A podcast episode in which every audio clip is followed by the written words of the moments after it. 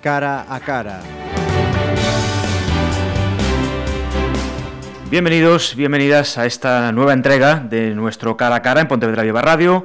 Hoy un cara a cara muy especial, porque es la primera vez además que tenemos que nos visitan dos invitados juntos, pero la verdad es que la ocasión lo merece. José Rivas Fontán, muy buenas. Muchas gracias por aceptar nuestra, nuestra invitación. Y con él está el periodista Adrián Rodríguez. Adrián, hola, ¿qué tal? Hola, ¿qué tal? Bueno, venís eh, con un motivo, la verdad que muy bonito, que es la presentación de este libro, Solo Rivas Fontán, Memorias de un político lejos del rebaño. Un poco una trayectoria, un repaso a la trayectoria vital, profesional y personal de, de este exalcalde y diputado en el Congreso. Todavía con el recuerdo de esa presentación en el Teatro Principal del lunes, que la verdad es que, bueno, no sé si decir que muy pocas personas tienen a su alcance poder presentar un libro ante más de 500 personas y con un teatro principal como estaba el lunes. ¿no? Eh, fue un, un, acto espectacular, yo creo que en el fondo también un acto de, de, de justicia con, con, Rivas Fontán, porque yo creo que sirvió también a modo de, de homenaje o de, de reconocimiento de, una ciudad que le, que le expresó su cariño acudiendo más al teatro principal. Sí, yo creo que aparte de que ya el libro mejor dicho, del libro había algunas referencias, porque el libro salió, lógicamente, y como parece que es costumbre, antes en las librerías que en la propia presentación. Estas son historias ya de, la comercialización de un producto, ¿no? que saben los editores. Y ya el libro había trascendido pues, a comentarios entre la gente, y de hecho Adrián era una persona también conocida en Pontevedra, es decir, que es joven, muy joven, de lo cual yo me alegro mucho porque a veces uno ve a la juventud con una cierta desconfianza y la verdad es que yo creo que Adrián tenía también en su medida, porque no, no estuvo en la vida pública, porque estar en un periódico también es estar en la vida pública. Uh -huh. Y también se crea su propia imagen, ¿no? Pero no estuvo como yo pues muchos años. Y de hecho, pues un factor y el otro ayudaron a que, a que la gente concurriera. Y yo ya digo, la satisfacción que tengo es que hace ya 25 años que me fui de la vida pública de Pontevedra y yo creí que me iba a encontrar solamente con gente ya muy de la tercera edad, como me corresponde a mí. Pero la verdad es que incluso fueron a, llevarme a firmar el libro eh, chicos y chicas jóvenes, es decir, incluso algún niño que me, que me llamó la atención. En ese sentido, pues fue un éxito, evidentemente, y no se puede negar. No sé si eh, esta pregunta es casi obligada, pero eh, ¿por qué ahora? ¿Por qué en este momento José Rivas Fontán eh, pues contacta con Adrián, o no sé si fue al revés, eh, Adrián contacta con, la, con Fontán. La culpa es mía, la culpa es mía. Pues, ¿por qué en este momento se decide a, a estas memorias, a este libro? Pues fue una, fue una, una, una idea mía, la verdad. Eh, creo que uno de los mayores méritos que tengo en el libro es haber tenido la idea de escribirlo. Eh, fui a hablar con, con él. Yo mmm, veía las, la, las historias que contaba normalmente Rivas en, en el periódico a, al hilo de alguna efeméride, siempre me parecía que eran historias muy bien contadas, interesantes, con un, propias de alguien con una muy buena memoria, y yo quería recopilar esas historias. Evidentemente mm, quería contar la historia de, de, de Rivas Fontán, su, su biografía política, pero no esperaba tampoco meterme tan de lleno en ese aspecto como al final, como al final ocurrió. Yo había pensado un proyecto un poquito más modesto, y al final, pues como pasa también a veces en estas cosas, la, la bola fue creciendo, fue creciendo hasta, hasta dar con, con este libro. Y, y, nada, lo llamé un día por teléfono, él, él, no sabía quién era yo, que también fue un, un, buen ejercicio de humildad, uno cuando escribe sobre todo de crónicas políticas como, como hacía yo, piensa que los políticos de la ciudad lo conocen todos, y es algo que no, no, no he olvidado nunca desde aquel día. Eh, Rivas Fontán, el, el primer alcalde de la democracia, no tenía ni idea de quién era yo. Y dije, bueno, muy bien, me voy a apuntar esto porque está, está bien tenerlo presente. Quedamos, tomamos un café, le propuse la idea del libro y yo creo realmente que, que él, no es que estuviera esperando que alguien le propusiera eso, pero sí tenía ganas de, de, de, de asumir un proyecto así y de contar su versión de la historia. ¿O no? Vale. No, yo tengo... Sí, sí, no, como no, sí. A mí me, me, me interesa mucho insistir en este, en este punto que acaba de citar Adrián, que siempre hay algún mal pensado que cree que un libro sale porque tú compras a un periodista y, y, y él escriba tu. Uh -huh. eh, en este caso es absolutamente falso. Yo creo que hay que decir en honor a la verdad de que a mí me sorprendió incluso la actitud de un periodista como Adrián, que fue recopilando información hablada, escrita, documental, y luego la fue contrastando en todo momento. No solamente con lo que yo le decía, yo recuerdo que había días que me llamaba a casa, que después de estar muchas horas hablando, me llamaba y me dice, oye, mira, comprueba este dato porque yo tengo una duda, porque ahí estaba fulano o no estaba fulano, o fue esta fecha o fue la otra. Quiero decir que, que a mí me sorprendió el rigor con que un periodista escribe un libro, porque para mí es la primera experiencia, dicho sea de paso. Y de hecho, pues yo creo que, que es apasionante y sobre todo mm, de, admirar mucho el trabajo de una persona que, que dedica tanto tiempo a ser un, un, observador de una realidad que sucedió hace años y que esa realidad se la cuenta evidentemente el sujeto que la ha vivido. Pero ese sujeto, como, como todo en la vida, tiene una visión siempre subjetiva de lo que cuenta. Y yo creo que el mérito de Adrián fue objetivar en lo más posible el relato del libro, porque lo que era subjetivo ya lo pone entre comillas.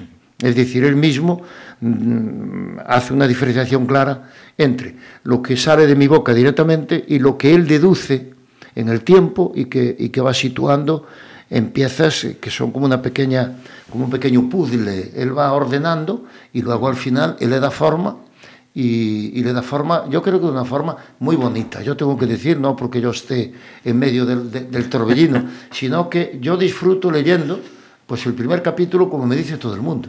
Leemos el primer capítulo del libro y este libro nos engancha. Además, cuentas, Adrián, en el libro que fueron más de 50 horas de conversación, pero imagino también ayuda el hecho, que a mí me ha sorprendido mucho también, saber que, que Rivas Fontán guarda, lo guarda absolutamente todo, ¿no? Sí, Desde sí. recortes de prensa, facturas, documentos, todo, ¿no? Imagino que eso también ayuda, ¿no? Este, este libro, se o un libro de estas características, se podía hacer con mucha gente. Eh, pero mm, si me embarcara en un proyecto como este con otra persona, estoy seguro de que sería completamente diferente porque, eh, primero por la memoria de él, que es excepcional, y segundo por esa capacidad suya de tener una mente muy compartimentada y, y, y muy de, de, administrativo, ¿no? Y, tiene esos, esos 150 tomos de hemeroteca o de egoteca, como le llamo yo, de artículos de prensa en los que sale el referenciado, que han sido una ayuda fundamental, imprescindible para sacar adelante este libro. Eh, yo a Rivas eh, le he exigido mucho, le he exigido mucho en el sentido de que le, pedía detalles de cosas que habían pasado hacía 30 años. No, son, no hay nadie capaz de, de, soportarlo. Entonces, esas lagunas que podían producirse o esas superposiciones en el tiempo, eh, todo eso se, se solventaba a través de la hemeroteca que era la que daba las referencias para poder activar la memoria de él y para subsanar esas, esas lagunas que había, que había en, el relato. Eso eh, ha convertido el, libro en, único y yo creo que es, es irrepetible por, por eso. Y eh, a mí me sorprendía, por ejemplo, llegar allí uno de los primeros días y encontrarme con que tenía todos los trípticos de las elecciones del 79 de todos los partidos políticos, con todas las candidaturas. Es una ayuda, eso es oro, para, para, para un libro de estas características, eso es oro. Y el libro comienza con el relato de, del 23F, ¿no? del golpe de Estado, cómo lo vivió, cómo lo vio usted.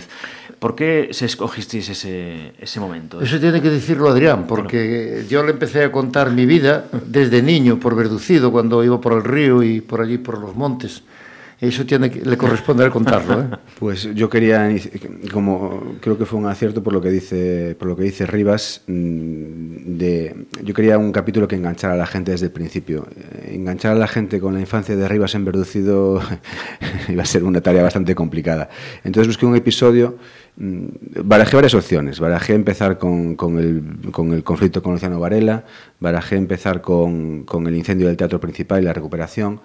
Eh, la del teatro fue una idea que estuvo a punto de cuajar, pero bueno, eh, uno siempre en este proceso pues busca eh, información o, o consejo de, de, personas a las que, a las que respeta y, y, me dijeron que no acababa de funcionar. Entonces me pareció que el 23F, que era un, que era un episodio mm, en el que Rivas no era quizás el protagonista principal, sino era cómo había vivido él un, un episodio externo, que tenía mucha fuerza el relato porque era una historia muy buena, que, con varios componentes de, de, de intriga y de, y de, emoción, me pareció que era una buena, una buena manera de enganchar, porque aparte enganchaba no solo en Pontevedra, sino podía enganchar fuera de Pontevedra. Y de ahí vino, vino la idea. Y creo que, que, creo, creo que, que no ha ido mal.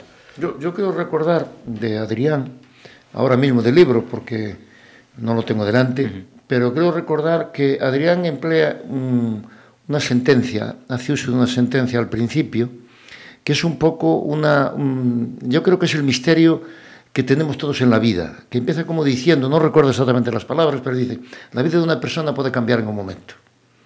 Entonces, eh, en ese momento quedas como sorprendido, claro, y luego empiezas a leer y ves que se produce el golpe de Estado. ¿Cuántas cosas nos habrían cambiado a los españoles, aparte de a mi persona, si en ese momento ese golpe cambia el futuro de la historia de España? Aparte, me imagino que esa reflexión también le haría mucho a las personas que en aquel momento tenían cargos de responsabilidad como, como usted. Claro, hombre, en aquel momento lo hacíamos porque yo venía ya un poco quemado de oír lo del caballo de Pavía, del golpe, de que ya se había mm, filtrado algunas, algunas cosas de, de que en aquel momento había pues, eh, la revuelta de sables. Eh, se comentaba en aquellos ambientes, hay que pensar que, como decía Adolfo Suárez, los, militares, los mandos, los jefes, los generales del ejército eran hombres que habían hecho la guerra civil. En aquel momento estaban todos en activo. Entonces Adolfo Suárez decía, la transición no podrá ser eh, una verdadera transición hasta que mueran los generales que hicieron la guerra con Franco. Entonces, ese es el momento en el que Adrián hace arrancar el libro. Entonces, mm, yo creo que a los jóvenes les es necesario leerlo y que a los mayores como yo, pues le evoca una época en que, una época no, una época y, una fecha donde por la noche no, no, íbamos a cama, estábamos esperando a ver qué dice la televisión, a ver qué pasa con un golpe de Estado, porque desgraciadamente la historia de España fueron bastante frecuentes. Nosotros no tenemos una democracia como la americana, que desde el 1789 tiene una constitución con unas cuantas enmiendas. ¿no? Después de este primer episodio del, del 23F, el libro da un salto atrás, ¿no? es decir, un poco lo que debería ser el principio, ¿no? Es decir, la infancia de, de Rivas Fontán en Belucido, pero sobre todo también esa primera etapa como maestro, como sindicalista y posteriormente como, como político. No sé de cuál de estas dos últimas etapas, maestro, sindicalista, político, eh, guarda más un recuerdo más bonito. Hombre, yo mmm, ayer me llamó un, un, una persona muy amiga, un íntimo amigo que, al que quiero mucho, que está citado en el libro, que es Miguel Barros, que es un hombre, es un, es un auténtico intelectual, Miguel, y ayer me llamó emocionado, porque el día del teatro se agarró a mi mujer y lloró, el día del teatro. Y mi mujer me decía, oye, era impresionante ver a Miguel emocionado, ¿no? Y ayer me llamó, me decía, Rivas, él siempre me dice, Riviñas, tú te das cuenta o que fixemos naqueles tempos, porque os de agora non se, non, non, non se poden ni imaginar, porque ti pensa que cando nos, no, no que era o movimento de maestros, empezamos a, a ser unha, unha contestación activa ao réxime, naqueles momentos no ano 75 ainda se estaba fusilando xente. É dicir, que esa é unha realidad constatable, ¿no? Entonces, en ese sentido, yo mmm, que procedo de unha familia de maestros, porque te, mi hermano mayor murió, era maestro, creo que somos seis ou siete, mi mujer es maestra, y somos seis ou siete maestros en la familia. Entonces yo de, desde que fue la guerra civil, tuve un montón de sensaciones del magisterio, desde el magisterio incluso francés a, personas muy bien situadas en la administración pública, que cuando me encontraban a mí me decían con orgullo, yo soy hijo de maestro, como diciendo, el ser hijo de maestro es, responde a una ética, a un tipo de conducta. Y eso a mí me llenaba de satisfacción, pero claro, yo procedo de aquellos maestros que con aquella tendencia, hay que decir que rompimos nosotros, que era el maestro pasa más hambre que un maestro de escuelas. Y eso eh, yo lo he vivido, yo lo he vivido. Entonces, esa, esa, esa ofensa que sentías de, en, en tu propia carne, cuando veías a maestros que fueron ejemplares en su conducta, que redimieron a gente de la más terrible ignorancia, que hicieron de analfabetos con 12 años, como conocí yo al que era el director de la fábrica más importante en España, Alcatel, de la fábrica más informatizada de España, que me dice, yo a los 12 años era maestro. Perdón, a los 12 años mi maestro, en una aldea de Zamora, me enseñó a leer, yo era analfabeta a los 12 años. Me preparó el bachillerato, me preparó el magisterio, hice magisterio, ingresé en el cuerpo, me hice ingeniero de telecomunicaciones y el primer trabajo me lo dieron en Francia, en Alcatel. Entonces, claro, ves que él te dice, es que yo al maestro, a la figura del maestro lo adoro. Y ahí hay una parte donde creo que está la, la parte más esencial del libro, que es donde mm, Adrián le dedica un capítulo a ese movimiento de maestros que lo que hace Adrián es reflejar muy bien los signos externos, por decirlo así. Uh -huh. Pero yo creo que de toda mi vida eso fue mi, mi revelación y mi rebelión contra el sistema y de ahí viene, se desprende todo lo demás, el poder ser diputado, el poder ser alcalde, etcétera. etcétera. Era precisamente lo que, lo que, le quería, lo que, lo que os quería preguntar ahora, eh, porque en uno, en un destino y en otro, es lo que siempre ha caracterizado a Ríos Fontán es que ha sido un hombre crítico con el sistema. ¿no? A ver, Adrián, que, que sea mi juez en este caso, pero que no sea un juez como otro que conocí, que sea distinto. eh, sí, la verdad es que sí, crítico con el sistema y, y y, y rebelde, ¿no? Un poco cómodo siempre. En la etapa de, del movimiento de maestros, luego en la, en la etapa como, como, diputado, incluso como alcalde, nunca ha sido un hombre dócil. Él dice una, hay una, una frase de él en, cuando vuelve al Congreso en el año 96 que dice que va con ganas de ser tranquilo, de ir tranquilo y, y bueno, dejar estar un poco las cosas, estar con un poquito de calma pero luego mm, el carácter pues le, le puede, ¿no? No, no, no es capaz de, de, estar dentro del rebaño, como, como se dice en el subtítulo. Y, y, y, eso le hace problemático, pero al mismo tiempo le hace singular, ¿no? Por eso eh, también ese, ese tirón electoral, porque la gente lo percibe como un político diferente. Sí, sí. A mí me encantó cuando Adrián me, me da el título del libro porque a mí me hizo, me hizo ir al diccionario como habrá como le habrá pasado a alguien en Pontevedra, eso de solo Rivas Fontán, y yo dije, este condenado, ¿qué quiere decir en el título? Que Rivas Fontán está solo, que lo han dejado solo. No. Ah, pero vamos a ver la otra versión. ¿Será solamente eh, Rivas Fontán? Dije, esto ya me gusta más. Entonces ya un día él me lo explicó y quedé tranquilo. Pero, aún así, me pareció mm, genial. Era una mezcla de los dos, ¿eh? era, una mezcla, era el solo del solamente, era un juego de palabras, solo de solamente y solo de solitario, de, de, de un poco de, lo que se dice en el epílogo de, de la mi manera, ¿no? de My Way de, de Frank Sinatra, porque bueno, se cambió la norma ortográfica en, en la Real Academia y permitían poner sin tilde los dos, y de ahí vino, vino el nombre del... Es decir, que un, un, un periodista joven haga ir al maestro al diccionario, ya tiene su mérito, ¿eh? ya tiene su mérito. Y luego la segunda parte que me pareció, a mí me pareció el, el, mejor calificativo que hizo de mí Adrián, que eso sí me llena de orgullo, de que yo amé siempre la libertad, amé siempre la justicia y la igualdad. Entonces yo dije un día, unos días de estos que me preguntaron, me decía, bueno, pero tú por qué eres así? Dije, porque yo pertenezco a la mayor institución educativa que hizo España para el mundo, que fue la Fundación Libre de Enseñanza donde el secreto era enseñanza no confesional en la libertad y en la independencia. Entonces, con estos principios yo me comporté siempre. Yo creo que el hombre, si deja de ser autónomo, si el hombre se convierte en un siervo, si un, hombre, si un hombre se vende por el sueldo, etcétera, etcétera, el hombre se acaba, deja de ser un hombre, como dice perfectamente Frank Sinatra en su canción. ¿no? Uh -huh. Entonces, cuando Adrián subtitula el libro Un político lejos del rebaño, yo me sentí orgulloso y ya dije, bueno, yo en este hombre confío porque ya fue capaz de hacer el primer enfoque inteligente que yo considero pues una alabanza para mí. ¿no? He de reconocer que estaba más convencido del título que del subtítulo, tengo, tengo que decirlo. Lo que sí se desprende en el libro, ahora entraremos en algún episodio en concreto, es que si Rivas Fontán fuese una persona, no sé si decirlo, dócil con, con los partidos en los que ha militado, le hubiese ido mucho mejor políticamente, ¿no? Le habría ido mucho mejor internamente de los partidos. En las urnas igual, pues no lo sé, porque como digo, a lo mejor esa, esa falta de docilidad también era, era apreciada por el votante. A nivel interno, por supuesto. El gran problema de, de Rivas es, es, que se ha presentado con tres partidos, que dos no existen y que el tercero se fue dando un portazo. Nadie lo reivindica, nadie, nadie ensalza la figura de Rivas hoy en día.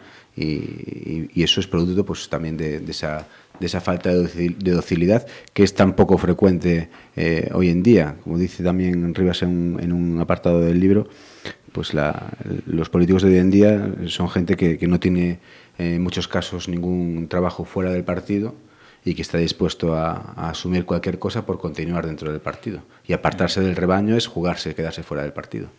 Eso no entraba en los planes de Rivas Fontán, ¿no? Lo de seguir... Es que yo creo que, que no lo piensas realmente, sino que tú en la vida reaccionas en función de tu carácter y tu temperamento. Yo, así como estoy orgulloso de haber hecho públicamente lo que hice, eh, desde mi, prácticamente mi infancia hasta ahora, porque yo no soy un freelance, pero sí tengo que decir que en aquellos tiempos el poder estudiar o el poder ir a la universidad eh, era, una, era un, un, privilegio para unos pocos. Yo hice magisterio porque era lo que se podía hacer en Pontevedra. De hecho, eh, pues con esa independencia de, de, de, de aprender lo, lo, lo, mucho o poco que se, que se aprende en la escuela de magisterio, lo que sí me enseñaron es algo que yo nunca olvidé en pedagogía, ¿no? que es nadie, nadie da lo que no lleva dentro. Yo recuerdo que tenía una profesora de pedagogía que decía esto como diciendo, sed formados, tened formación y luego dadlo, que ese, ese es, eh, es la, gran, la gran virtud de la enseñanza. Entonces, de alguna forma, esto te, te, modela tu espíritu. ¿Y qué pasa? Pues que yo salí de la enseñanza y me fui pues, a, a la vida política y de alguna forma trasladé ese, ese, ese comportamiento ético o esa norma, la fui trasladando. Y, y yo, pues ya digo, estoy contento. También tengo que decir, y que Adrián lo ha encontrado en el libro, que siempre dice que, que fui sincero, en, incluso en confesar partes de mi vida que no, que no me beneficiaban. Y sobre todo que yo sé que yo tengo un carácter como todo humano, con sus virtudes y sus defectos. Entonces, yo en este momento, aprovechando esta casa, uh -huh. que no sé si lo hice antes, pero lo aprovecho ahora para decir que, que posiblemente si ofendía a alguien, que no, no fue Adrián el que pudo haber ofendido, sino que soy yo el que le di a, a la materia prima a Adrián, yo le pido disculpas en este momento, es decir, y que sobre todo que Adrián eh, fue mm, escrupulosamente limpio, interpretando mis, mis a veces salidas de tono. Y si a alguien pudo haber ofendido, porque insisto que no fue Adrián, fui yo. Y en ese sentido, yo soy el único responsable y que me culpen a mí de si alguna cosa no se ajustaba a su verdad, porque a la mía sí que se ajustó todo. Uh -huh. Entrando un poco en, en, materia en el libro, habla con mucho cariño de, de Adolfo Suárez. ¿no? ¿no? sé si fue para usted el mejor presidente que ha tenido este país. Hombre, Suárez fue, yo digo siempre que fue un hombre excepcional y un hombre proverbial. Yo tengo que decir que cuando se hizo la, la, la transición, cuando se hizo la primera ley de la reforma política, en el año 76, y cuando a mí vino Jesús Sancho Rofa a buscarme para ir en las listas, yo les veía mucho color azul. La verdad es que yo veía a un Adolfo Suárez muy del movimiento, muy del sistema, es tanto que en el Congreso, en el primer Congreso democrático, le llamábamos los azules. Entonces yo ya en el primer Congreso eh, me acerqué, no sé si instintivamente o porque las circunstancias me llevaron allí, a lo que era la corriente socialdemócrata dentro de UCD porque allí era un compendio de, de, ideologías que iban desde los que acabaron claramente en el PP o más a la derecha del PP hasta gente que fue y que participó en el PSOE e incluso en el Partido Comunista, es decir, que, que era un abanico ideológico muy importante. Entonces, Adolfo Suárez tuvo la gran virtud, de, como digo, de ser un hombre proverbial, de ser capaz de consultarnos a todos constantemente, a esas corrientes, se reunía con nosotros, ¿qué piensas de, esto? ¿Qué piensas de lo otro? ¿Qué debemos abordar? Y no solamente lo hacía con la gente de su partido, de UCD, sino que lo hacía con, Felipe González, lo hacía con Alfonso Guerra, lo hacía con Santiago Carrillo, lo hacía con Manuel Fraga, que fue el más rebelde en el momento de la Constitución, hay que decirlo, porque el PP, en el PP no hay una gran parte de gente que no bajó a, a la ciudad, aún sigue en el monte, ¿eh? es decir, que, que eso hay que decirlo también, aunque bueno, el tiempo va madurando la gente. Y Adolfo Suárez en ese momento yo lo definía en una frase que recogió muy bien Adrián, que era cuando me, me planteó el problema de la isla de Cortegada, que yo le dije, presidente, yo soy un poco rebelde, pero yo creo que la gente tiene razón. Ahí el rey, el padre del rey no actuó bien, porque era un patrimonio que le había dado el ayuntamiento de Carril con suscripción popular para hacer una residencia real y no venderlo ahora para una inmobiliaria. Y cuando al marchar esto denota cómo era Adolfo Suárez. Yo recuerdo exactamente sus palabras. Se pone de pie, me coge de un brazo, me lleva a la puerta en la Moncloa y, me, y le dije, perdona, presidente, por si te crea alguna incomodidad con mi rebeldía en este tema. Y él me dice, Rivas, defienda a la gente sencilla, que es la que hay que defender, que los militares y los banqueros se defienden solos. Hay que decir que esa querencia de, de Rivas por, por Adolfo Suárez es, es previa a toda esta... Eh, eh, aluvión de, de, elogios que ha recibido eh, Suárez en, uh -huh. en, los últimos años. Eh, en política se da mucho, al menos en este país, eh, alabar al, al, político que ya es inofensivo, que ya no puede hacer daño. A, a, Suárez hasta, hasta que estuvo fuera del sistema lo machacaron vivo. Y la, la, la, foto que tiene Rivas en su despacho con Suárez lleva años allí. Es una, y es la única foto que tiene en su casa como un político. Uh -huh. La única, es verdad. También fue muy importante ese, esa oferta, ¿no? Esa, para ser el candidato de, de, UCD a la alcaldía de Pontevedra, que fue su primer contacto directo ya con la política local. Fue muy importante y sobre todo fue sorpresiva, porque tú imagínate que tú eres una persona joven, que tú estás viviendo un, una dictadura, que están hablando mm, de que España se puede convertir en un país democrático con un parlamento y que en el parlamento puedes hablar libremente Mira que estaba vigente la ley de prensa, estaba vigente la ley de la ganzúa famosa, que a ti te pillaban por la calle y como no tuvieras un trabajo era motivo suficiente para encarcelarte. Es decir, que la, las palancas que tenía la dictadura eran infinitas. Entonces de repente te dice, mira, puedes ir a un parlamento de diputados, porque entonces eran procuradores. Tampoco se puede, tam, también no se debe olvidar. Claro, y vas a un parlamento en el que tú vas a poder hablar libremente.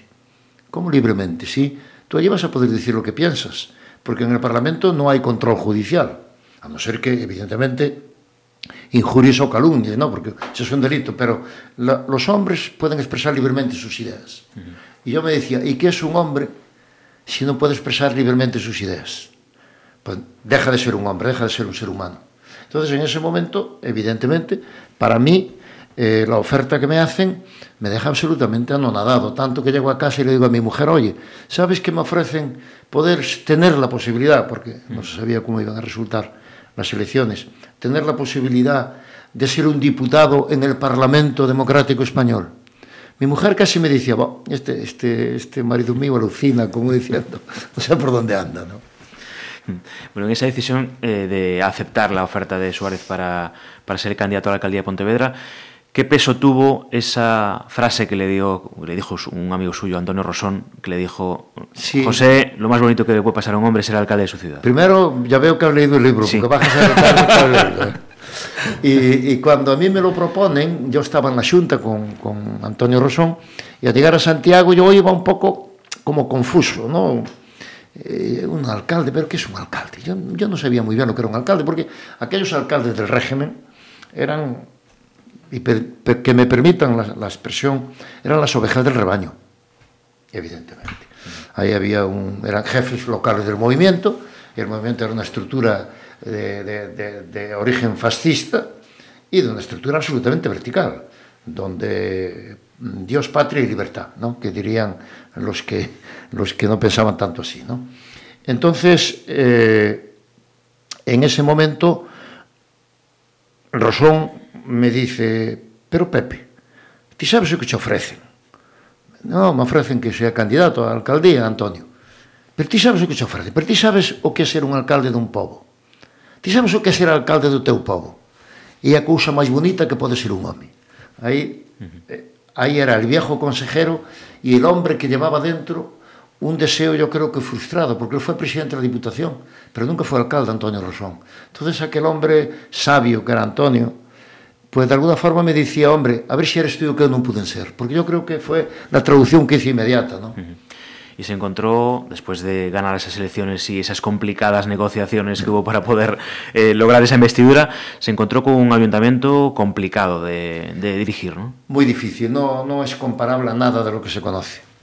Yo además, mm, antes de llegar a la alcaldía, yo había trabajado años en la inspección de educación Entonces, claro, aquella era una, una administración muy tecnificada, porque se, se refería al mundo de la educación con todas las derivaciones que tiene, ¿no? Pues la personal, el tema de las normas, la, los programas educativos, los contenidos, el transporte escolar, los medios audiovisuales. Entonces, claro, yo vivía una administración de alguna forma perfecta, con los defectos que tenían los jefes extraídos del propio sistema, ¿no?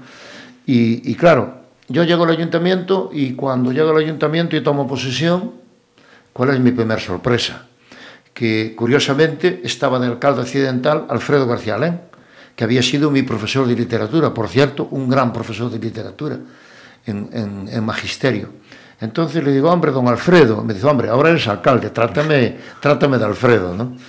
Mm, y le dije, mm, pues dime una cosa, yo es que llego aquí, no sé nada de esto, lo único que hice un mes antes de llegar aquí es que un funcionario de la Junta de la Diputación de Coruña me dio para que me enterara del ROF, que se llamaba, que era el Reglamento de Organización y Funcionamiento de las Corporaciones Locales, que me dio la vida conocerlo, porque el pobre secretario que tenía, que era un hombre muy acabado y ya con lagunas de memoria muy importantes, ya se perdía en el reglamento, casi lo interpretaba yo en los plenos y lo aplicaba yo en los plenos, el famoso ROF.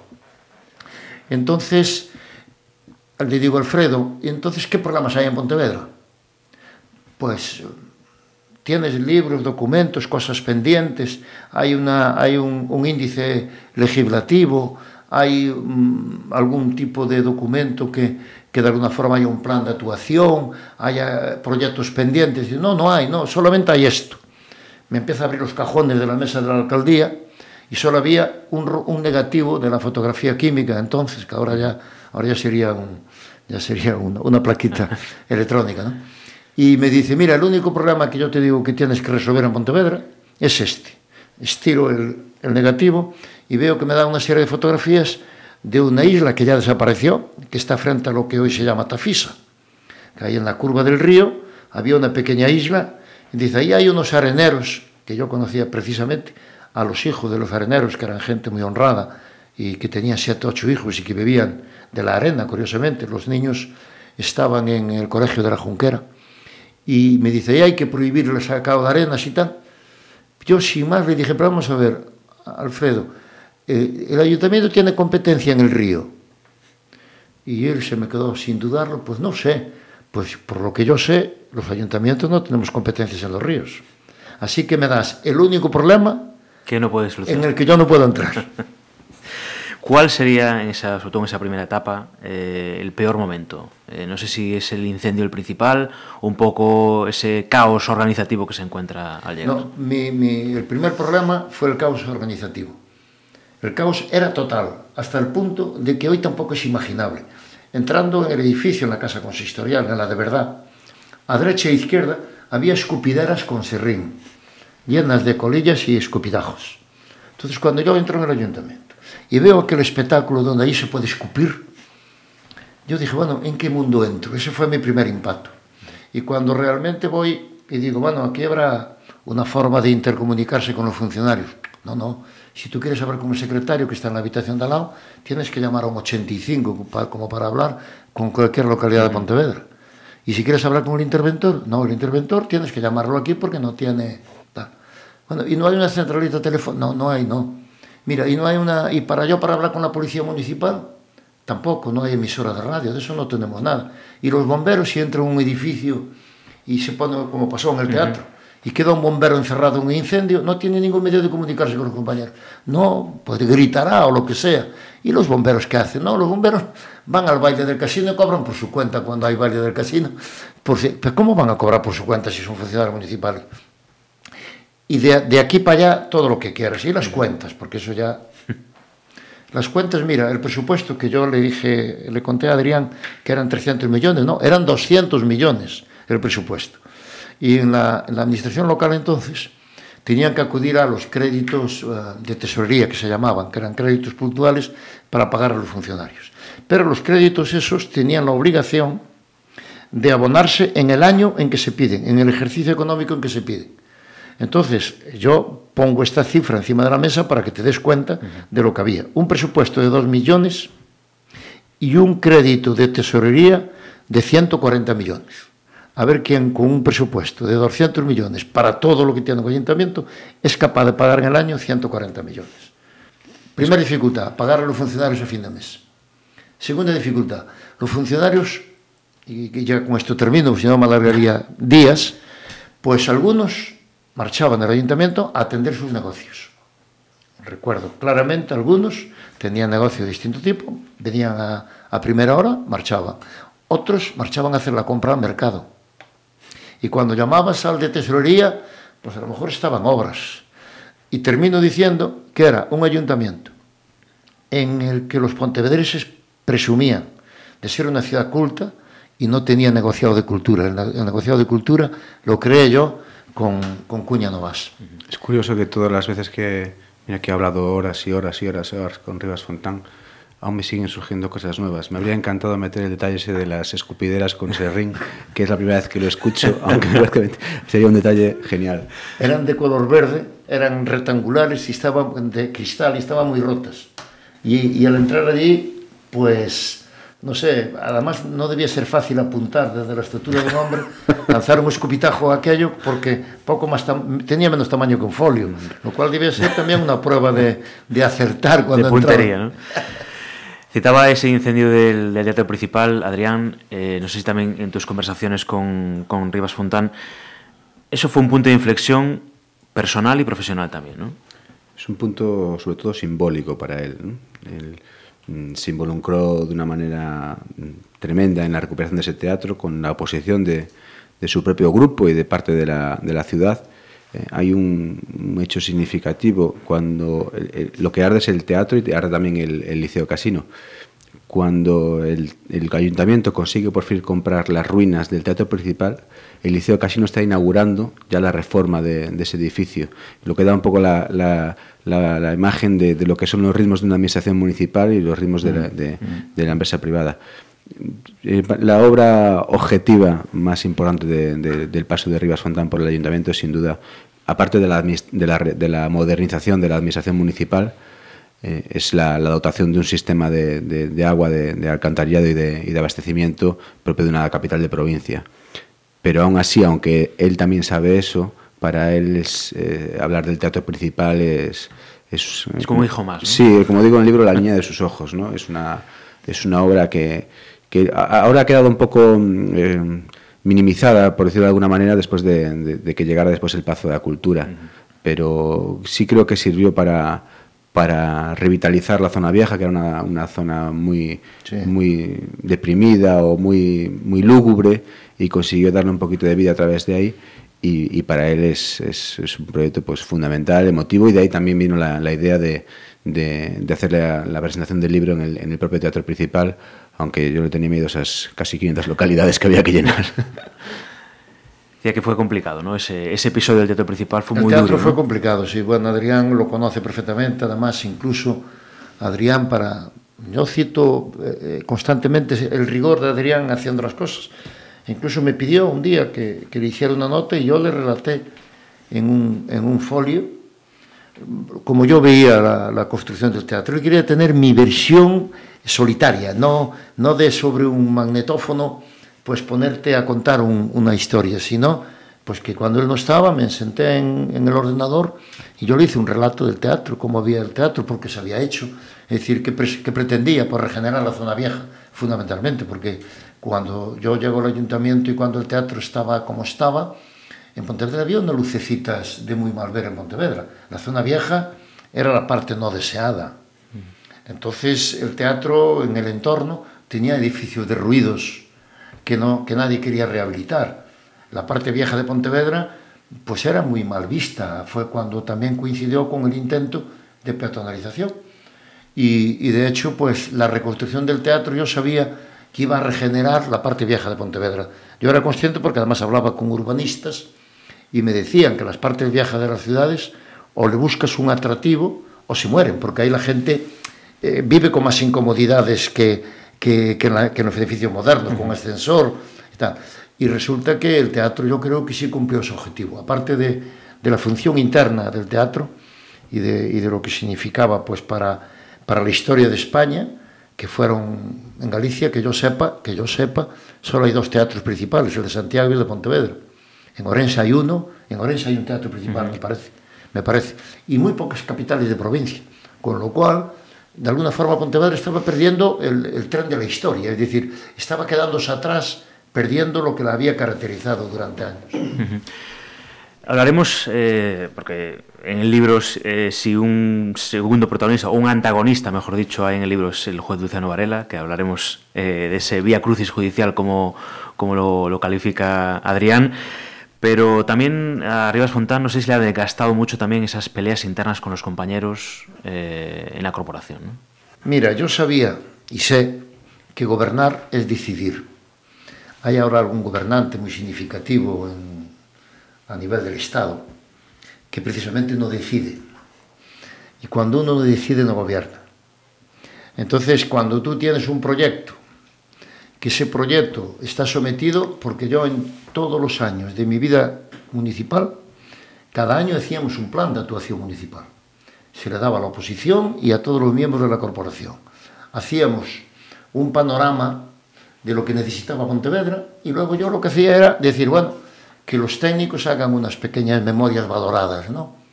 Y cuando teníamos eso, teníamos, por ejemplo, 100 puntos que queríamos acometer. Entonces íbamos a los servicios económicos y le decíamos, ¿qué disponibilidad tenemos para este año? Y te decían, pues 100 millones. Entonces ibas a tus compañeros de oposición y no de oposición y le decías, mira, hay que priorizar hasta 100 millones aproximadamente.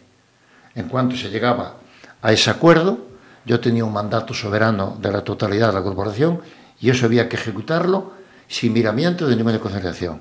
Ahí no podía haber amigos, ni enemigos, ni favoritismos, ni, ni beneficios para nadie. Entonces yo en ese momento me imponía como alcalde, como jefe que era de la administración, y yo sacaba adelante los proyectos. Entonces, en ese camino, desde que se inicia el proyecto hasta que se acaba, pues surgen siempre, y en Pontevedra especialmente, ¿eh? Las mesas camilla. Y en Pontevedra había una mesa camilla que funcionaba en el Hotel Rías Bajas. Y en esa mesa camilla me mediatizaban los servicios económicos, algún, periodista eh, ilustre, que, bah, que no le guardo rencor. ¿no? Y entonces, claro, ahí se, ejercía una especie de, de, de guerrilla y que se extendía por determinados sectores de la ciudad y algunos concejales eran víctimas de que no se dan cuenta que en una corporación de 25 señores no se ve de la misma forma un mismo proyecto. Uno lo quiere blanco, el otro lo quiere negro o lo quiere azul. Y en ese momento alguien tiene que ser el árbitro. Yo era el árbitro y cuando yo pitaba falta, era falta. Y cuando yo decía expulsado del terreno de juego, expulsado del terreno de juego. ¿Cuántas veces tuvo que decir usted, el alcalde soy yo y aquí mando yo? Muchas veces, muchas, pero muchísimas. Y además mmm, narra, narra una secuencia, Adrián, en el libro, de una persona para mí absolutamente entrañable, y tengo que decir que fue de los pocos hombres por los que lloré cuando murió, que fue Víctor Lorenzo. Yo conocí a Víctor Lorenzo porque era un abogado, un galleguista, que conocía muy bien los secretos de, del derecho civil gallego.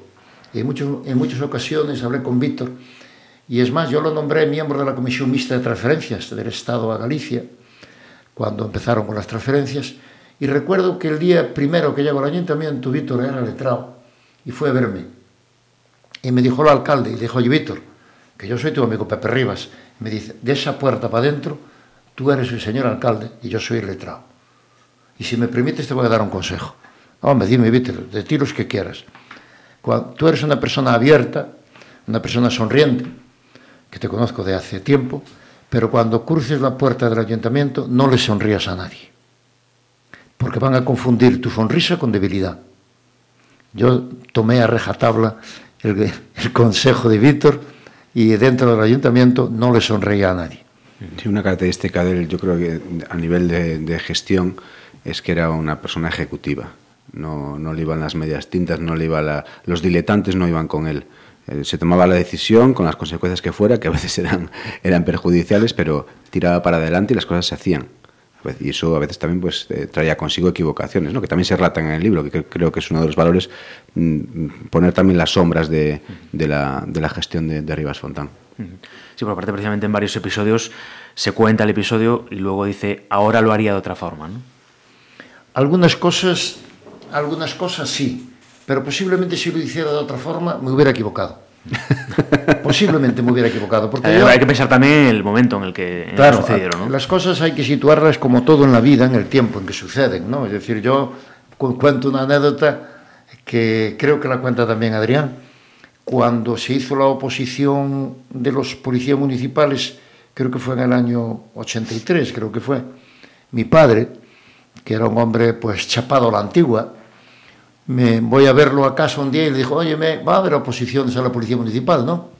Sí, va a haber, y además hay muy pocas plazas y hay muchísima gente y tal. Pero también hay, mucha, hay muchas mujeres, papá. ¿Qué quieren? ¿Mujeres que van a entrar en la policía? Pepe, no se te ocurra meter mujeres en la policía, ¿eh? Claro, fíjate, tú sitúate en aquel momento y mira ahora lo que, lo que hay. Ahora van a acabar mandando en la policía. De momento en Pontevedra no, pero van a acabar mandando. Mira, no sé, Adrián, si durante estas conversaciones con, con José, eh, bueno, él fue alcalde con tres partidos, ¿no? Es decir, con UCD, hubo un partido, una candidatura independiente, luego se integró en AP, PP. No sé si esa última etapa fue la peor para él. La de AP, eh, él siempre dice que, que, es la de que la que va del 83 al 87, siempre dice que es curioso que haya sido alcalde eh, tres veces y dos fuera con minoría, y sin embargo el peor recuerdo que tienes de cuando tenía la mayoría absolutísima, que eran esos 17 concejales de 25, que creo que eh, para hacerse una idea de lo que son 17 de 25 hay que recordar que Lores tiene ahora 12 de 25. Eh, claro, ahí se juntaban ya esos, esas facciones internas de las que hablábamos antes dentro del, del de AP, de, de Alianza Popular, con Rajoy como, como concejal y diputado y presidente de la Diputación Provincial. Es curioso, es, es, eh, es raro, ¿eh? es raro que, que, uno tenga muchas pruebas justamente cuando tiene la mayoría más absoluta. A veces eh, estar en minoría te obliga a buscar acuerdos y te hace a lo mejor más dialogante. Ahí se juntaban en ese periodo la, la, las, los problemas internos eh, también, la, la, difícil situación a nivel autonómico, con, con, la crisis de gobierno en la Junta de Galicia, con la moción de censura. Es, es, una etapa complicada, pero también para, para el libro pues fue, fue apasionante. No, yo lo que dice Adrián, mi peor corporación, y lo digo sin ánimo de, criticar a nadie personalmente, sino al conjunto, fue la corporación donde tuve la mayoría absoluta, que fue cuando fui independiente con AP. Fui independiente del 83, luego en el año 84, 85 entré en AP y en el 86 tuve que dejar AP. Y luego me presenté pues creando un partido que era Independiente de Galicia, ¿no? Pero fue muy difícil porque las mayorías generan, eh, lo hemos visto a nivel del Estado en la pasada legislatura, si el gobierno de Madrid hubiera actuado en la otra legislatura de otra forma, incluso el propio presidente del gobierno hubiera actuado de otra forma, pues consultando a la oposición, eh, conveniando determinadas actuaciones, pues seguro que hoy estaríamos con gobierno, porque hubiera sido capaz de formar una mayoría como acabamos de perder esa mayoría en las elecciones del 20 de diciembre. Quiere decir que el talante de las mayorías en un régimen como el nuestro es muy peligroso porque eh, nuestras mayorías responden a la mayoría de un partido. Aquí no hay el equilibrio entre presidente de la República y partidos parlamentarios o, o monarquía parlamentaria, donde eh, eh, el Parlamento ejerce un, un control del propio presidente. Aquí se funde, cuando se hacen las elecciones, resulta que el Poder Judicial, el Poder Ejecutivo y el Poder Legislativo salen de la misma mano, del mismo dedo, del mismo, del presidente del Gobierno en España o el presidente de la Junta, salen de una opción de partido. Entonces el partido, que muchas veces no está formado por la gente más adecuada, porque ya está formado por, por el rebaño, y lo digo con respeto, pues ¿qué hace? Condiciona la actuación del Ejecutivo y el resultado es fatal. Y eso fue lo que me pasó a mí en, la segunda, en el segundo mandato, donde el partido, en aquel momento, yo me enfrenté al partido porque el presidente local del partido me quería decir que yo tenía que hacer esto y lo otro en el ayuntamiento. Y yo le dije, oye, que yo pasé por el filtro de unas elecciones democráticas y tú no has pasado por ningún filtro. A ti no te van a pedir cuentas de mis errores en el ayuntamiento, me lo van a pedir a mí. Por tal motivo aquí se hace lo que la corporación y yo decimos. ¿no? El alcalde soy yo. El alcalde soy yo. bueno, no vamos a entrar en muchos detalles porque también que la gente lea el libro, lo compre, que es lo que, que, es lo más importante de todos. Pero bueno, a lo largo del, del, libro hay varios episodios con gente muy reconocida por todos, como José Cuiña, Rafael Luza, Manuel Fraga, Manuel Mariano Rajoy, compañeros de partido que en algún momento eh, pues, tuvieron algún episodio que, que sorprenderá probablemente a algunos, a otros no tanto. Pero bueno, me gustaría centrarme, por ejemplo, en la figura de Manuel Fraga, porque eh, con, con él eh, usted ha pasado por dos momentos, ¿no? Es decir, un momento de profunda admiración del de, de expresidente de la Junta hacia usted y otro de total deslealtad, ¿no? Sí, claramente. Es decir, yo a Fraga pasé con Fraga tres momentos. Cuando yo fui diputado constituyente, Fraga estaba sentado cerca de mí y en aquel momento pues yo trataba de tú a Fraga como a todos los diputados y vía las estridencias de Fraga cuando subía a la tribuna, que era muy buen orador, hay que decirlo todo. Fraga es un hombre que sabía mucho, un hombre muy preparado. Y, de hecho, pues se le tenía un cierto respeto, pero muy, muy caído, muy caído hacia la derecha. Es decir, Fraga, pues era un hombre que no podemos olvidar que fue ministro mmm, de Información y aunque a él se le debe la primera y la segunda ley de prensa, hay que reconocer que aquella ley de prensa no la podéis imaginar vosotros hoy porque te podían cerrar el chiringuito por cualquier cosa. Entonces, ese era el Fraga de entonces. Pero cuando vinieron las elecciones y yo gané en Pontevedra, o ganamos en Pontevedra con una mayoría súper cualificada, entonces Fraga, mmm, curiosamente, nos empezamos a tratar de usted. Y Fraga vino a Pontevedra varias veces y estaba muy orgulloso de, de su alcalde y así me situó pues, en el Consejo de Europa, me situó, bueno, yo ya estaba por UCD, ¿no? pero me situó en la presidencia de la comisión por parte de la administración local para la, elaborar la ley de régimen local, me situó de responsable de vicepresidente de la Federación Española de Municipios y Provincias, me situó y me consultaba por temas de Estrasburgo, del Consejo de Europa, es decir, me tenía en una altísima consideración. Y así viví hasta que fue avanzando el tiempo y, y, bueno, marché, dejé la política, me fue a despedir de él correctamente, me dijo, Rivas, me encanta de que deje la vida política, que vea lo que es un presupuesto privado de una empresa privada, ya verá usted cómo ahí el dinero se mide más, no es uno tan alegre y tal, usted cuenta conmigo, tiene mi apoyo. Pero eh, la discrepancia vino profunda cuando en el año 99 él me pide que vuelva al ayuntamiento. Entonces yo le digo, presidente, yo hice todo lo posible, hablé con Cuiña, hablé con algún, me acuerdo que hablé con Baltar de Orense, eh, para que hablaran con él y que no me pidiera ese sacrificio porque era mucho. No por mí, si a mí no me importaba porque ya había aguantado mucho. Era por la y, familia, sobre Pero la familia, la familia no estaba en condiciones de sufrir ese vía crucis al que me, al que me sometió realmente el juez Varela, ¿no? Uh -huh. y, y, entonces él, él mmm, creía que, que, bueno, que era eh, el Estado. Y como hombre que manda en el Estado, dice usted aquí y usted allí. Entonces me llama a mí, a pesar de que yo le mandé una carta que reproduce íntegramente a Adrián, uh -huh. que algunos decían, bueno, que es una carta sumisa. Pues sí es sumisa, porque era el presidente y yo le tenía mucho respeto también. Yo quería ablandar su corazón, para que él me dijera, le comprendo y no le mando. Pero ya lo último fue cuando yo me negué a ir. Entonces, a partir de ese momento, que fue el año 99, Fraga me puso a mí un, una cruz en rojo y como decía un amigo mío, Fraga tenía blancos y negros. Yo hasta aquel momento era blanco, pero de repente me convirtió en negro. Y eso cuando Fraga convertía a alguien en negro, eh, como lo dijo José Luis Barreiro, a usted no pararé hasta que lo meta dos metros bajo tierra. A mí hay un episodio que me, que me gusta mucho personalmente en el libro, que es eh, esa escena. Eh, me gustan mucho los episodios del de libro en el que se humaniza la vida política, ¿no? como, como se ve al, político como, puede ser cualquiera de nosotros. Y me gusta mucho en esa, en esa tercera vez que le dice que no para esas elecciones del 99, cuando está en, en, en el salón de su casa al teléfono, diciéndole que no a Fraga por tercera vez y su mujer, la mujer de Rivas, está al lado diciéndole, me pongo yo, me pongo yo y le digo que no, que es una escena muy que nos puede pasar cualquiera de nosotros, ¿no? La mujer lado diciendo, dame el teléfono que, que, que, yo se lo digo, que yo se lo digo. Y, me encanta, me encanta esa escena eh, y a partir de ahí, pues como, como él dice, pues vinieron todos los problemas eh, posteriores con, con Fraga. Rajoy dice... También hay luces y sombras en, ese, en esa relación con, Hombre, yo, con el actual presidente en funciones. Yo de Rajoy le conozco desde que aparece en política, y no aparece en política Rajoy porque fuera una persona inquieta socialmente, ni que porque en su época universitaria, cuando Santiago era un volcán, era un volcán en política. Hay que pensar que él estaba Santiago en esos años de la transición justos, en los años 76, 77, 78, y curiosamente no aparece nombrado en nada en la universidad porque mmm, Rajoy pertenecía a una familia acomodada, muy del sistema, su padre era presidente de la audiencia, una gran persona y un gran juez, tengo que decirlo por Mariano Rajoy padre, y, y además um, tuvo, me demostró que así era.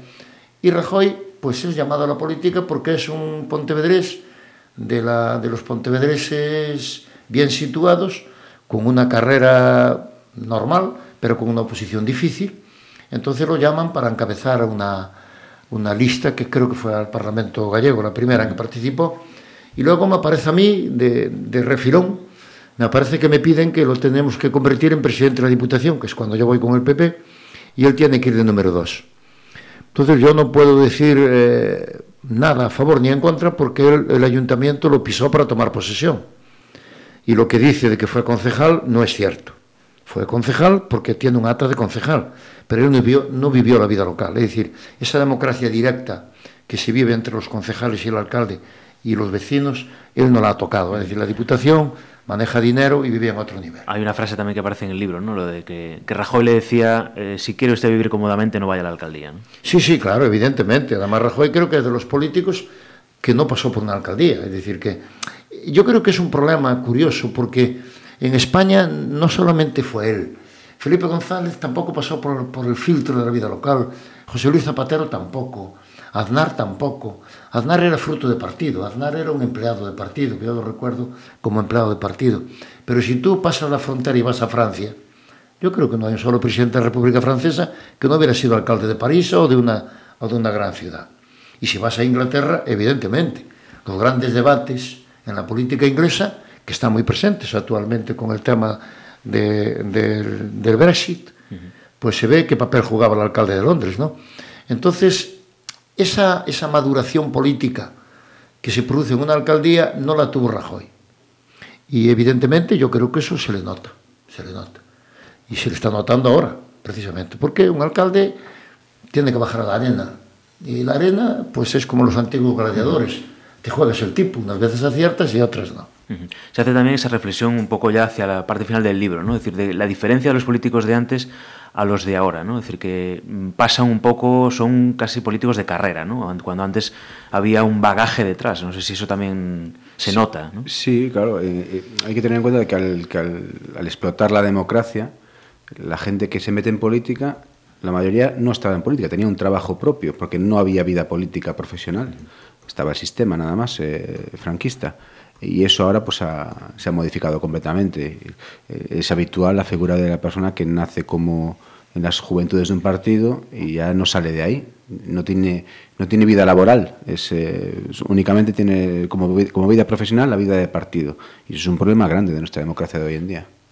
No sé si eso explica los movimientos y, las tradiciones, y las tradiciones que hay ahora mismo, ¿no? Solo lo, porque había una categoría humana distinta, ¿eh? Yo lo digo con, y sigo diciendo que con respeto, pero también con respeto a mi punto de vista. Sin acritud, que diría Felipe González. Sin, sin acritud. Sin acritud, exacto. Yo, mmm, Adrián lo acabo de decir, yo recuerdo en mi época, hablando ya no de aquí de Pontevedra, ¿no? sino del Parlamento del Estado, del Parlamento de Madrid. ¿Quiénes eran diputados en aquel momento? Pues mira, un rector de la universidad, tres catedráticos de Derecho de, de varias ramas del derecho, empresarios como Elojo Franqueira, notarios como Pío Cabanillas, abogados de mucho prestigio como Eugenio Rosón, economistas, director del Banco de España como Víctor Moro, catedráticos de la universidad como Jesús Sánchez Roff. Es decir, que había médicos como el bueno de Manolo Fontoira, que, que yo lo recuerdo mucho porque también era de esta gente de Pontevedra, pero muy buen gallego, muy buen gallego, ejerciendo de gallego en el buen sentido, ¿no?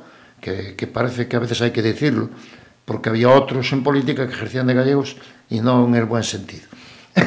Entonces, era gente que íbamos allí y decíamos lo que pensábamos, porque no dependíamos del dedo que los colocaba. Nosotros nos levantábamos y decíamos, a mí me pasó cuando fue el tema de, la pena de muerte. Cuando yo voy al portavoz de lo que era UCD y me dice que había que votar, eh, que había que considerar la pena de muerte, porque con un rey que, como el que teníamos, la pena de muerte tendría que ser mmm, aprobada por el, por el rey, por el jefe del Estado, y yo dije, a mí no me vale, no me vale. El jefe del Estado se levanta un día de mal humor y firma una, una sentencia de muerte y a lo mejor con un error judicial terrible que le sacamos al hombre su vida, que es lo más importante que tiene. Si al hombre le sacas la vida y, la libertad, evidentemente no le queda nada. ¿no? Yo comparo la vida y la libertad, por eso cuando uno habla de política o habla del telón de acero o de estos países que están privados de libertad, es durísimo la libertad para ejercer, la libertad para moverte. Eh, ¿Qué, ¿Qué, pasa con esa gente toda que está viniendo, escapando de Siria, escapando de estos países en conflicto de Oriente Medio? Es terrible. Entonces, yo creo que, que esa gente, eh, mis compañeros de entonces, pues decía, mira, como le dije yo a no me acuerdo cómo era el nombre del, del portavoz, eh, bueno, en una palabra, le dije, mira, yo no voy, a, no voy a aprobar la Constitución, no voy a pulsar la tecla del sí, como quede reconocida la pena de muerte. Entonces, si no os conviene, me marcho, que venga otro diputado y que lo haga. Bueno, pues gracias a esa rebeldía de unos cuantos, conseguimos eliminar de la Constitución, del borrador de la Constitución, la pena de muerte. Porque hoy dices pena de muerte. Claro, hablas de, de Arabia Saudí o hablas de algún Estado americano que, que, que se parece más al Estado indígena que, que a un Estado democrático de derecho. ¿no? Bueno, como decíamos antes, un capítulo especial sin duda es ese, esos procesos judiciales que, que sufrió Rivas Fontán durante, durante años aquí en Pontevedra. Adrián, es un, unos episodios que se repite con, con mucha amargura ¿no? a lo largo del, del libro. ¿no? Todavía le, le, siguen afectando mucho ¿no? ese, en ese relato. Sí, sí. No, le, le, hay, una, hay un episodio que se produce eh, pues debe ser hace dos o tres meses. Eh, acabando ya con los últimos detalles del libro, estábamos en su casa de, de, Verducido y no sé por qué faltaba un detallito pequeño y fuimos a revisarlo a un, a, un, a un altillo que tiene allí en casa y allí había una, una carpeta que ponía Luciano Varela. La sacó y, y dijo, es que sacar esto me, me, me, revuelve el estómago. Y yo le dije, bueno, Pepe, ganaste, al final ganaste. Y él dijo, gané los cojones. Eh, el, el, proceso ha sido complicado. Y, y, y traducir ese, ese, esos cinco grandes procesos en algo eh, legible para el lector, comprensible, sin perder la, la rigurosidad pues fue uno de los retos más importantes del libro. Mm, es evidente que al final eh, Rivas Fontán gana, pero, pero esos procesos truncan completamente su carrera política, que hasta entonces era meteórica y se queda ya ahí casi estancada. No, no sé cómo se le puede explicar a, a una persona que no lo haya sufrido eh, el daño que, eso, que esos procesos le causaron. El daño, mira, primero, yo me acuerdo de mi padre, que mi padre, como dije antes, era un hombre, pues claro, antiguo, un hombre que hizo la guerra civil y que nunca me habló de la guerra civil. Es decir, fue una generación de españoles que nos hizo reflexionar mucho a personas como a mí, de decir algo pasó ahí, que esta gente, esta generación no quiere hablar de ello. Entonces mi padre, cuando me procesaron la primera vez, mi padre se llevó un disgusto terrible, porque decía, mi hijo es un hombre honesto, es un hombre justo, no, no es un sinvergüenza. Entonces el hecho de que te procesen, ya no es que cobres dinero, no, sino que era procesarte por una licencia, donde el juez no tiene, ese juez no tenía competencia para procesarte, porque no es competencia de él, era competencia de la vía contenciosa. Pero para mi padre la lectura Rivas Fontán procesado era, Dios mío, lo que le hacen a mi hijo. Y en lo que era mi familia directa, mi mujer y mis hijos, al principio no le dieron importancia. Pero luego empezaron a ver cómo a mí me minaba mi ánimo, las comparecencias diarias, el llamar a personas del entorno familiar, el llamar a obreros que estaban en el entorno o que habían trabajado en mi casa, llamar a compañeros de corporación, y un día, y la prensa, y la radio, y, un día el edificio de la cartera Orense, que no tenía nada que ver, el edificio de la, Guardia Civil, que no tenía, no tenía nada que ver, amenazarte con desacato, venir la, el Tribunal Superior de Galicia influenciado por alguien de Pontevedra para seguir atacándote, que te embarguen tu coche, que te embarguen tu casa, que, que, claro, llega un momento en que la familia y mis hijos, que eran estudiantes, los pequeños en el instituto, pues los chavales que, como podéis imaginaros, son muy crueles, pues se metían con ellos y le decían, oye, que tu padre está procesado. Entonces, claro, el niño, el José, que hoy es ingeniero, afortunadamente, pues llega a casa y dice, papá, ¿pero qué hiciste? Es decir, tú explícale a un niño que te, que te equivocaste dando una licencia, por ejemplo, que es lo normal, que te equivoques si los técnicos no te asesoran bien, tú al final firmas y eres el equivocado. Uh -huh. Pero nunca di una licencia a cambio de nada, ¿no? Que eso sí que tengo la conciencia tranquila.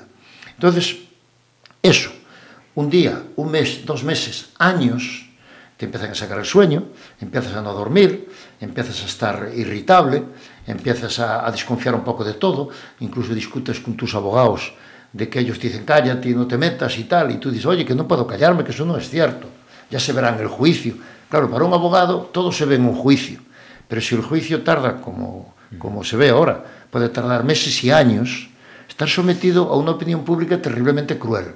Entonces, eso, por mucho que diga cualquiera, por mucha fortaleza que tengas, eso mina el ánimo de cualquier ser humano.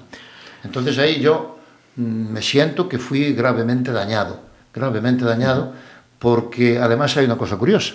Tú te equivocas dando una licencia y viene un juez y te condena. Pero un juez se equivoca procesándote o juzgándote, ¿y quién juzga a un juez? Hoy, hoy aún pasa algo, pero en aquel momento yo fui a ver a un, a un fiscal de mucho prestigio en España, en Madrid, y me decía, lo que está haciendo este juez contigo es perfectamente punible. las citaciones por la prensa, etcétera, etcétera. Y entonces me dice, bueno, yo creo que sí puede, se puede hacer una denuncia judicial. Y me dijo, pero tú vas a responder a la pregunta que me haces. ¿Quién juzga a este juez? Y dije, será otro juez. En ti está la respuesta. No sé si crees que, algún, que ahora mismo algún político podría soportar ese, eh, ese minucioso análisis de todo, es decir, de, documentos, eh, investigaciones, facturas, empresas, es decir, ese, como decís en el libro, ese casi acoso que sufriste en esos años. Yo te contesto, luego que te lo complete Adrián, porque tengo que invocar a una persona que hoy me llamó esta mañana que se comunicó conmigo, un pariente mío, hijo del que fue teniente coronel de la Guardia Civil, aquí en Pontevedra, Bernardo, que murió el pobre hace tres años. Y Bernardo, mm, que siempre la Guardia Civil, no sé si por formación o de formación profesional, siempre buscan la otra cara de la moneda. Es decir, yo creo que eso está muy bien porque es una técnica. Entonces me dice, yo creo que no debes tú estar ofendido con el juez Varela. El juez Varela hizo de ti el, después de la investigación a que te sometió, hizo de ti el político más honrado de España. Bueno, hay que, hay que decir que yo creo que hoy en día eh, Rivas Fontana habría tenido que dimitir a, ya no digo con el procesamiento, incluso con el procesamiento, lo que hoy sería una imputación, porque, porque no habría podido eh, aguantar esa, esa presión, presión pública. Mm, yo lo comparo a veces un poco. Me acordé mucho de este proceso cuando fue ahora con, con, la, con lo que está pasando José Ramón Gómez de Esteiro también, ¿no? Pues un enfrentamiento a una jueza, como es en este caso de Lara, eh, la imputación, la, y Besteiro ha tenido que hacerse a un lado enseguida. Él iba a ser candidato de la Junta y, tuvo que hacer a un lado. Eh, eh, Rivas Fontán se presentó otra vez a esas elecciones, con otro partido, pero se presentó y ganó. Y aún pudo volver después. Eh, sería esa situación yo creo que sería inimaginable a día de hoy. No no no se puede no se puede comprender por eso porque se habría tenido que ir a su casa. Y eh, él dice una, una cosa que es interesante no eh, ahí va el juicio eh, eh, en, el, en sede judicial en el juzgado por un lado pero luego está el juicio público. Eh, hace aún hace poco una persona pues eh, venía a decirnos me, me vino a decir como que como que él había recibido un piso en Pontevedra a cambio de una licencia. Digo, pues vaya juez, el juez Varela que no fue capaz de encontrar el piso ese después de haberlo investigado hasta el tuétano. Pero bueno, eso son las habladurías de, una, de una ciudad como Pontevedra que no deja de ser pues una, capital de un tamaño medio. No sé si eso, la etapa de esos años en la alcaldía fueron muy bonitas por otros motivos, pero también se desprende en el libro que se aprecia precisamente por este proceso judicial, no sé si cierto eh, resentimiento o decepción por la falta de apoyo que, que sentiste en esos momentos. Sí, ¿no? ¿sabes qué pasa? Que yo, no, yo tengo dos referencias que son las que alimentaron un poco esa decepción mía. Una fue eh, cuando yo amenacé con pedir asilo político en Francia, es verdad. Yo fui a Madrid al Hotel Miguel Ángel a hacer una rueda de prensa y dije, como siga la persecución, yo me escapo de este país y pido asilo político en Francia. Entonces esto fue corroborado incluso por el defensor del pueblo, por el fiscal general del Estado, que luego pues, de alguna forma me recibieron y me, hablaron, ¿no? Incluso Barranco, alcalde de Madrid, ¿no? Me echó una mano importante. Pero fue porque en ese momento yo ten, tenía, uno ha fallecido ya, la otra, René, está muy viejecita, tenía unos amigos en París y que cuando hablaba con ellos por este tema me decían, pero ¿cómo puede hacer eso un juez contigo, Pepe? ¿Cómo puede hacer eso? Si fuera en Francia, aquí no le permitiríamos a un alcalde nuestro que fuera perseguido de esa forma por un juez, porque se ve que esto es una persecución. Entonces, claro, esto a mí pues me impresionaba mucho, ¿no? Digo, hombre, ves un francés que te dice, hombre, esto no es frecuente. Y luego cuenta una anécdota Adrián, que es muy buena. Un día estos amigos que, te llevaban por ahí para, para descongestionarte, recuerdo que uno me llevó a la LIN a una comida, creo que fue Angolada o por ahí, y había un guardia civil allí, eh, que me acuerdo siempre de él. Entonces estaban hablando del caso mío y este guardia civil, pues en medio de la conversación dice el tío, oh, te voy a decir una cosa, eso que te están haciendo a ti en Pontevedra, en la LIN, no lo permitiríamos, porque en la LIN a ese juez no le venderíamos ni el pan. Esta es un poco la queja que yo tenía en aquel momento, porque el juez era retroalimentado por algunas personas que conozco, y que estoy en condiciones de dar los nombres, no ahora, pero públicamente, y que, y que evidentemente los que tenían la obligación de defenderme, a pesar de que tengo también una, una parte positiva, que fue aquella cena que me habían hecho, en la que salieron políticos incluso de otro signo, como Moldes y Javier Rajo a defenderme, también hay una parte, hay una parte positiva. Pero en aquel momento yo me sentía desamparado. Yo necesitaba estímulos morales, porque iba alguien a verme y me, pedían tal cosa y dice, pero yo aquí estoy solo. Yo aquí tengo, tengo miedo, yo aquí no, no, no soy libre. Afortunadamente eso está superado y lo volvería a hacer. había también una especie de burbuja, ¿no? Porque es cierto que sí que había muchos apoyos en la ciudad. Evidentemente, si ganas las elecciones es por algo. Eh, y a lo mejor dentro de esa burbuja, pues uno tenía la sensación de que, de que todos los apoyos eran pocos. Eh, entonces, mm, yo creo que mirado desde fuera, con perspectiva, eh, el, Rivas tuvo el apoyo de la ciudad en las urnas, que es donde, donde debía tenerlo. Y luego, pues sí, evidentemente no había una consideración unánime, como tampoco podía ser de otra manera, creo. No, y de alguna institución importante, porque cuando fue que, que el capitán general de Galicia, Martínez Valiente, Pariente, Pariente, perdón, yo siempre me confundo con el apellido, Martínez Pariente, se fue, solo tenía dos, dos alcaldes invitados de Galicia. Me tenía a mí y al alcalde de Santiago y allí en el patio de lo que era la Capitanía General, yo en el momento estaba muy, muy, eh, muy mal visto en los medios judiciales, porque el tema de Pontevedra había trascendido, yo creo que mucha gente, no, gente profesionales de la justicia, no se habían parado a, a, ver realmente lo que había de fondo. Entonces me veían en el periódico todos los días y venga una declaración, y el interventor, y el secretario, y el letrado, y la policía, y la casa, y la gente de la justicia me veía pues de alguna forma mal. Entonces yo tengo mm, en ese momento una gratitud enorme a este capitán general que nos invitó a mí y a mi mujer a su despedida en el patio que digo de Capitanía General. Y estaban todas las autoridades de Galicia, sobre todo las autoridades judiciales.